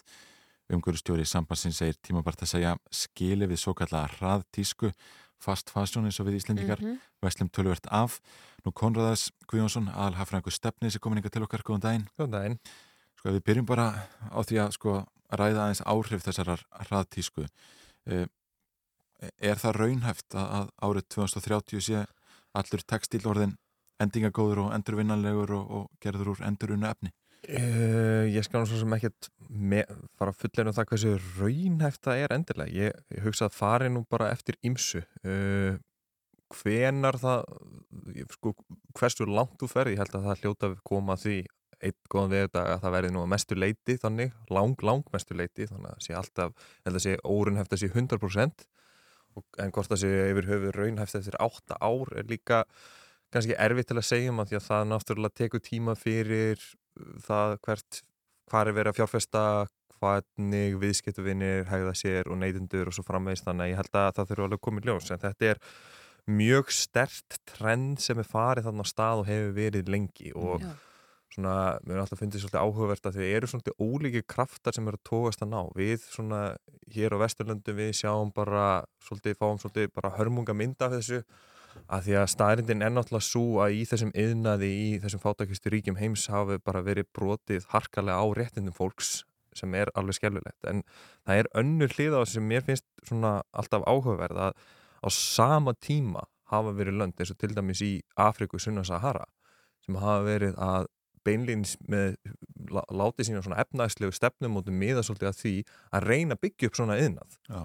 Þannig að maður að hugsa, ok, þetta er ekki greinlega ekki öllu leiti slæmt. Og af hverju er það? Jú, fyrirmyndin er í Asi þá þessum ríkjum sem hafa þó þau séu ennþá mjög fátæk með okkur þá hafa þau svona brotist að mörg, miklu leiti út úr sáristu fátæk, fátæktin í gegnum þennan yðna þannig að núna ef, ef það er að fara að breytast kannski samlega þessu að þetta verður meira bara framleitt uh, nær heimahugunum í staðan fyrir að framlega mjög mikið og flytja mikið með starðarhagkamni til Evrópu og bandaríkjana að þá verður kannski bara framleitt lítið í einu nær heimamarkaðanum að þá kannski breytir það svolítið þessari mynd. Þannig að, að eins, og, eins og til dæmis þessi ríki sem hafa verið að gera sér vonur um það að geta byggt upp svona textíliðina til að styðja við sína innvæðingu að þarna kannski er einhver möguleiki farin. Nú er ég ekki að segja að það hegi bara, ja, við verðum bara að framlega svo mikið af fötum sem við hendum í rusli eftir halvt ár sko. En það er svona áhugaverða hlýðarafleðingar af því. En, en svona svona aðalmáli í þessu líka sem er svolítið stórt trendi í þessu það er bara svona aukin þrýstingur á bara fyrirtæki og framleiðendur og, og, og þá sem er að fjárfesti til þess að láta sér varða, þú veist, eitthvað annað heldur en bara hagna en vera líka að velta fyrir sér umhverfismálum og félagslegum þáttum og hvernig stjó, þessi stjórna og allir þessir þættir hafa verið undir mikill gaggrinni í þessum yðnaði og, og þetta er svona líka held ég að hluta til partur af þeirri vakningu, þú veist, ekki bara frá neytendum séð, heldur líka meðalans út af þeim og því að fjárfæstar hafi farin að hugsa í viðara samingja þá, þá er það líka að hafa áhrifðana Mm. En hvað með sko kostnaðin fyrir neytendur ef að, ef að einmitt, það verður hætta að framlega þessi föt þar sem að, að þau kosta skí og ingenting og fluttingað með þessar stærðarhakunni sem hún nefnir og svo framle- framvegis Mhm. sko þurfa neytendur að fara að punga út miklu hærri fjárhæðum fyrir endinga betri fötum e, Já, ég myndi segja að það sé bara ja, ef þau eru sannlega endinga betri og við svona, þurfum aðeins meira að vanda okkur ef við förum og veslum flíkur og þá held ég að það bara hreinlega hljóta að vera og í sjálfu sér bara jákvæð þróuna því að náttúrulega hluti af vandanum að vissu leiti er það að, að sko maður horfir á þetta bara algjörlega hagfræðilega að sé að vandanum er, ef þetta er vandamál að þetta er of ódýr fött það er of ódýrt fyrir okkur að kaupa fött þannig að við erum ekki að taka á okkur allan raunverulega kostnaði við það að kaupa þessar rosalega ódýri flíkur sem að svo eftir halvt ár e- ef að þær eru, eru yfir höfu seldar eftir halvt ár eru kannski sendar þvert yfir, yfir nötnin og bara enda þess vegna sem bara bara. eða landfylling eða guðmáðu þetta hvað. Mhm. þannig að ég held að það væri bara eðlögu partur af því að- fata verð hækki eitthvað bara alveg eins og í dag veist, það er bara, er bara dýrar að kaupa ákveðna tegundur af fötum heldur en í svona ónefndum ódýrar í verslunum og það er bara eðlilegt. Þannig að ég held að það sé bara eðlögu partur en hversu mikið dýrari og hvort að það sé tækifæri til þess að gera þessi svona gera það hagkvæmar þessi hérna svona dýrari föt, það verður bara komið ljós. Já, já. Þú talar um þessi ríki, kannski Sunna Sahara sem vilja byggja upp einhvers konar textil eðnað, en síðan er náttúrulega kannski já, til fátækari ríki sem reyða sér mikið á þennan eðna nú þegar. Lönd sem við sjáum oft þegar við lítum í hálsmálega á skýrtunum okkar og, og Mhm. peysunum.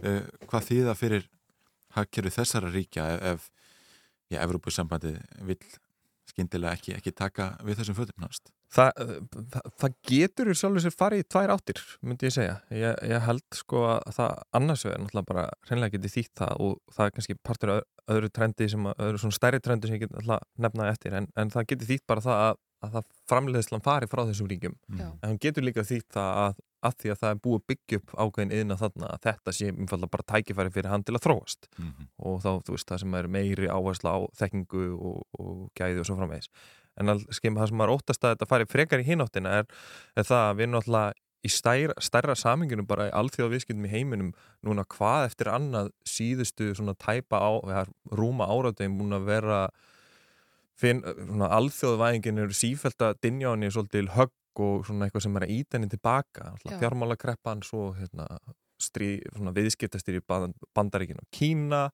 og svo fáum við COVID þar sem að allir eru að endur hugsa hvernig eru að framleiða allt og svona bara vera að hugsa meira um öryggi þess að þú fáir það sem þú þart heldur en endilega hérna, gera sem allra ódýrast Mhm. og svo núna fáum við stríði í Evrópu sem er búin að setja alla hráurum markað á hliðin og far allar til þess að hugsa þetta ennþá meira hvað er það, það mun raunverulega því að það á eftir að koma í ljós en, en það eru allir að velta þessu fyrir sér. Þannig að einhver sem er að hugsa um hvort hann eh, sem er að fara að framlega fötu eða hvað annað á ég að fara að taka einhverja pólitíska áhættu í þessu landi eða á ég að taka mig aðeins sem er í kostnað hérna í sem, þú veist, bara í nágrannríkinu eða bara innanlands. Þetta eru svona svolítið stóra spurningar og ég, þetta, þetta er mjög mikla getgáttur um þetta núna og mikið verið að tala um þetta en við höfum algjörlega eftir að sjá hvernig það spilast út en þetta getur verið líka stór partur af, af, af því sem við erum að sjá. Og mögulega kannski, maður setja kannski smá álhatt á sig sko, kannski er það ekki tilvílun að sjá kannski tækifæri, ESB sé kannski tækifæri til að fara í, í eitthvað, eitthvað svona þarna því að það er bara trendi er svolítið farið þess átt. Já. en, en það er, það er, það er algjör ekki hétt gáttur. Já, já, einmitt. Þú náttúrulega ert að þrjóðast í þessum fjárfestingaheimi. Heldur að þetta veri rauði þráðurinn í, í fjárfestingum að svona að það veri nánast einungis fjárfesti í fyrirtæki sem hafa umhverfislega og, og félagslega þætti að leiðaljósi. Sko, maður svona vonar að það sé alltaf að fara þangað en það er samt alveg greinilegt að þe- þetta er svo nýtt að við erum ennþá svona að að vera þessi svona, þessi, svona þessar ábyrgu fjárfestingur eru svolítið að slíta bartskónum ennþá Já. og til dæmis eitt sem maður séð sem er gaggrinni sem er alveg réttmætt að, að við við erum búin að vera núna í þessu stríðsástandi og hráður að vera að hækka og þær fjárfestingar sem hafa koma allavega til skemmri tíma hafa ekki verið að koma vel út af því eru einmitt svona svo kallar ESG fjárfestingar og, og sjóðir. Þannig að það er svona vegna smá kurr út af því. Það er svona sem engin einföld skýring en svona ein, einfaldast skýring er að þessar fjárfestingar er ekki að fjárfesti í, í orku og ráfuru svo mikið. Já. það er kannski auðveldasta svarið. Já. þannig að að ég, ég held að það er mjög margt eftir að þróast en, en þetta er klárlega áttin sem við erum að fara í sem betur fyrir Einmitt. Þetta er ágætis lokaðarð Konráð S. Guðmundsson, aðalega frangur stefnis. Takk fyrir að kíkja til okkar í morgunúðarspið. Takk.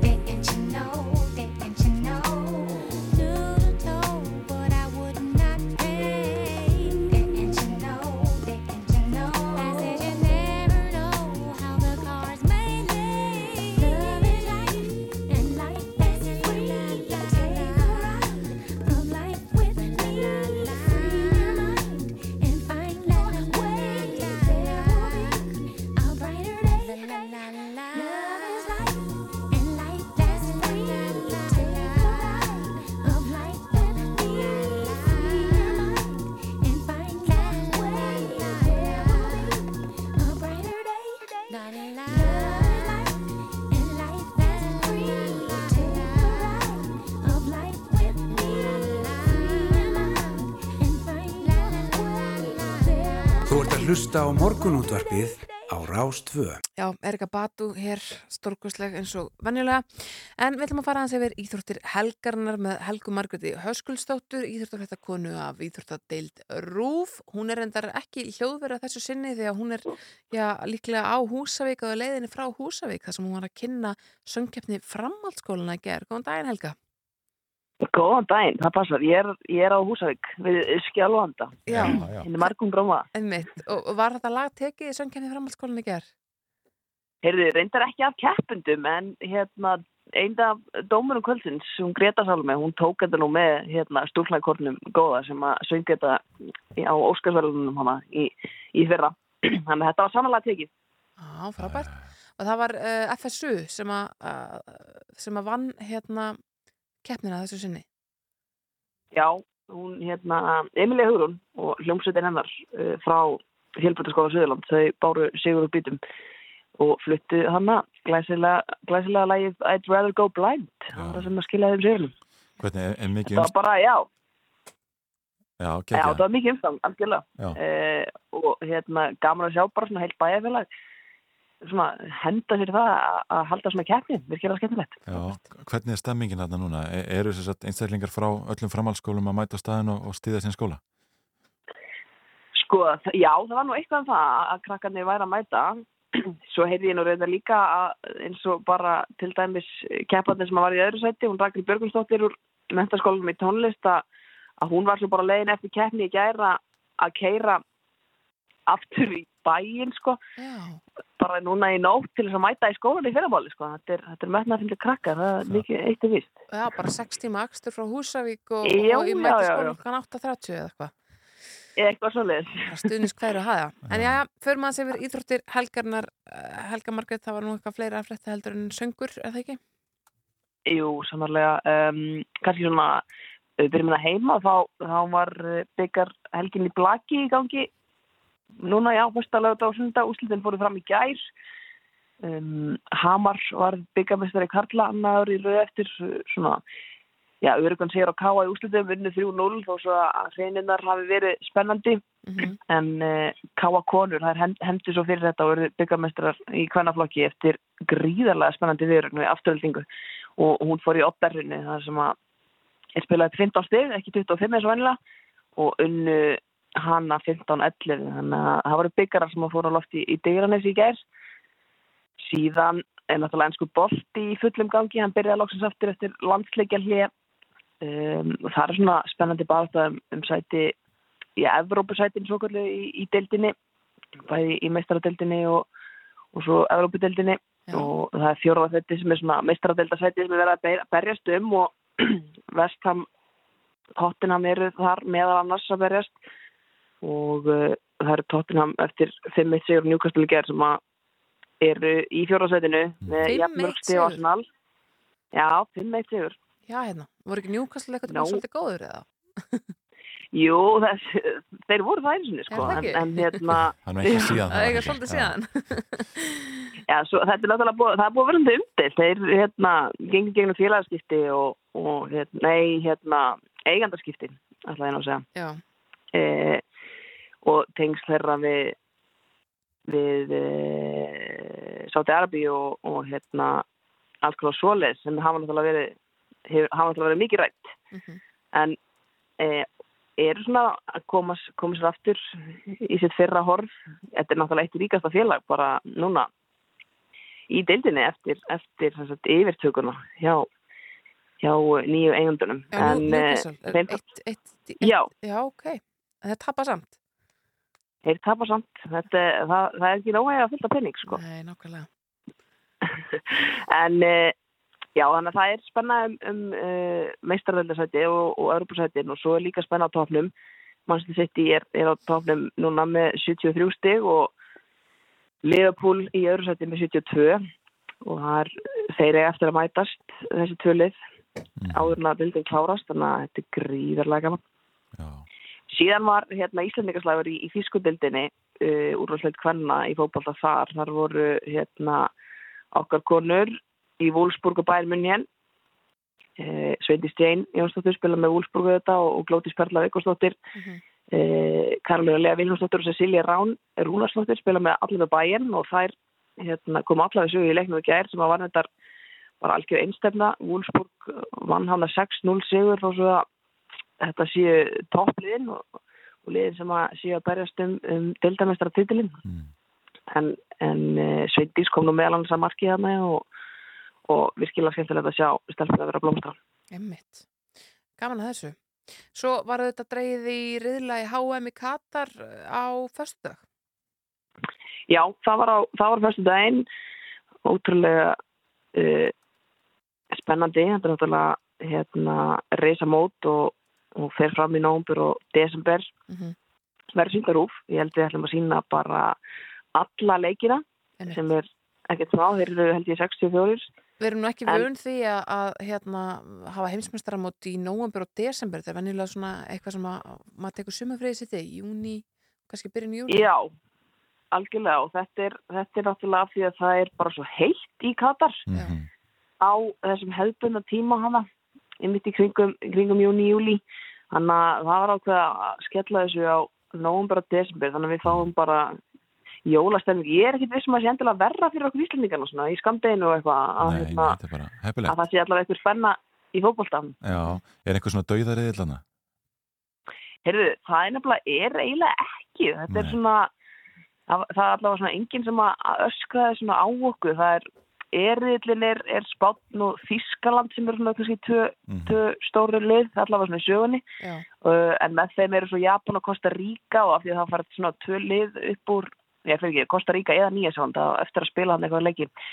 En það fara tvö lið upp okkur rauðlið þannig að þú veist, Þískaland og Spátn væri þar svona líklegust þannig að það væri kannski ekki beint döðariðil og svo bæði liðin væri þannig. Nei, En uh, þetta er allt bara svona frekar, frekar hefbundi en það verður samt spennandi að sjá hvað, hvað gerist. Það virkar nú frekar hérna, einhvern veginn svona borlegjandi í flestum þessara riðla, hérna B-riðlin, England, Íran, Bandaríkin og Wales, Skotland eða Úkraina. Akkurat. Þa, það er hérna umspilið sem er eftir uh, Evrópu sætið eitt á eftir að útkljá það og það er af því að, að hérna sko fyrsta lagi var leik Skotlands og Úkræni frestað bara á auðlösum ástæðum Mm -hmm. Og verður spilar í júni og þar að leiðandi getur Wales ekki mætt sig og verðunum úr þeim leik fyrir í júni þannig að það eftir að eftir að útklæðast en það getur orðið Breitland segja slagur sem er náttúrulega spennandi þegar Wales eða Skotland fyrir áfram og, og mættir Englandi Gaman. og svo náttúrulega með bandaríkin líka sem eru mættir á HM eftir, eftir smá hlýja Já, já. Já, nákvæmlega. Gaman þessu. Helga Margrét Höskuldsdóttir, takk æðislega fyrir að vera á línunni hjá okkur frá Húsavík. Við skjálfanda. Takk, það er Já. Við heyrum síðar. Gerum það, bæ. Það kom að lokum hjá okkur í dag einhver. Já, já, einmitt, eh, alltaf áhugavert að ræða eh, íþróttir helgarinnar hér í lok þáttar.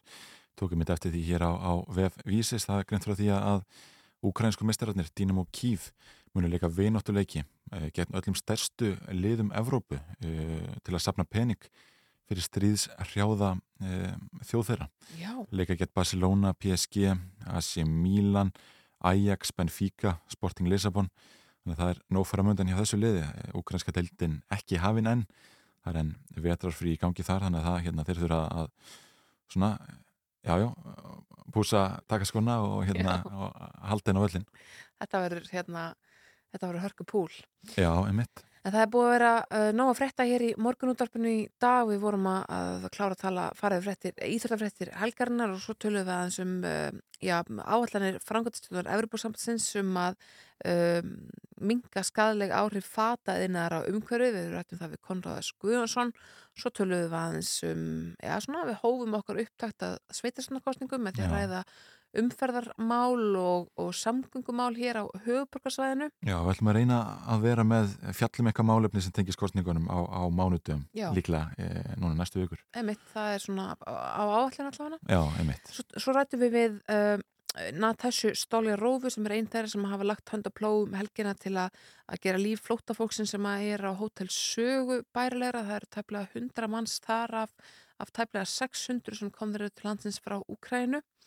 Og við töluðum við uh, um það hvernig á að tryggja farsæla öldrun með réttri hreyfingu og næringu og það þarf eiginlega að hefja það tveimur kynslan fyrr ef ég skildi Já, já, við malda okkar rétt. Og síðan byrjuðum við e, þáttin í dag á því að ræði Gretar Sigfinn Sigursson e, hann var að flytja hús, friðað hús í heilu lagi frá laugavegi til Keflavíkur í síðustu viku.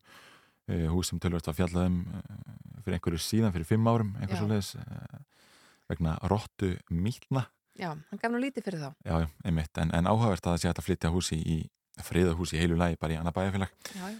en við verðum hér, já, þú og, og Hulda Gerstóttir verðum hérna saman á, á morgun e, en við þökkum fyrir samfélgina í dag Takk fyrir okkur.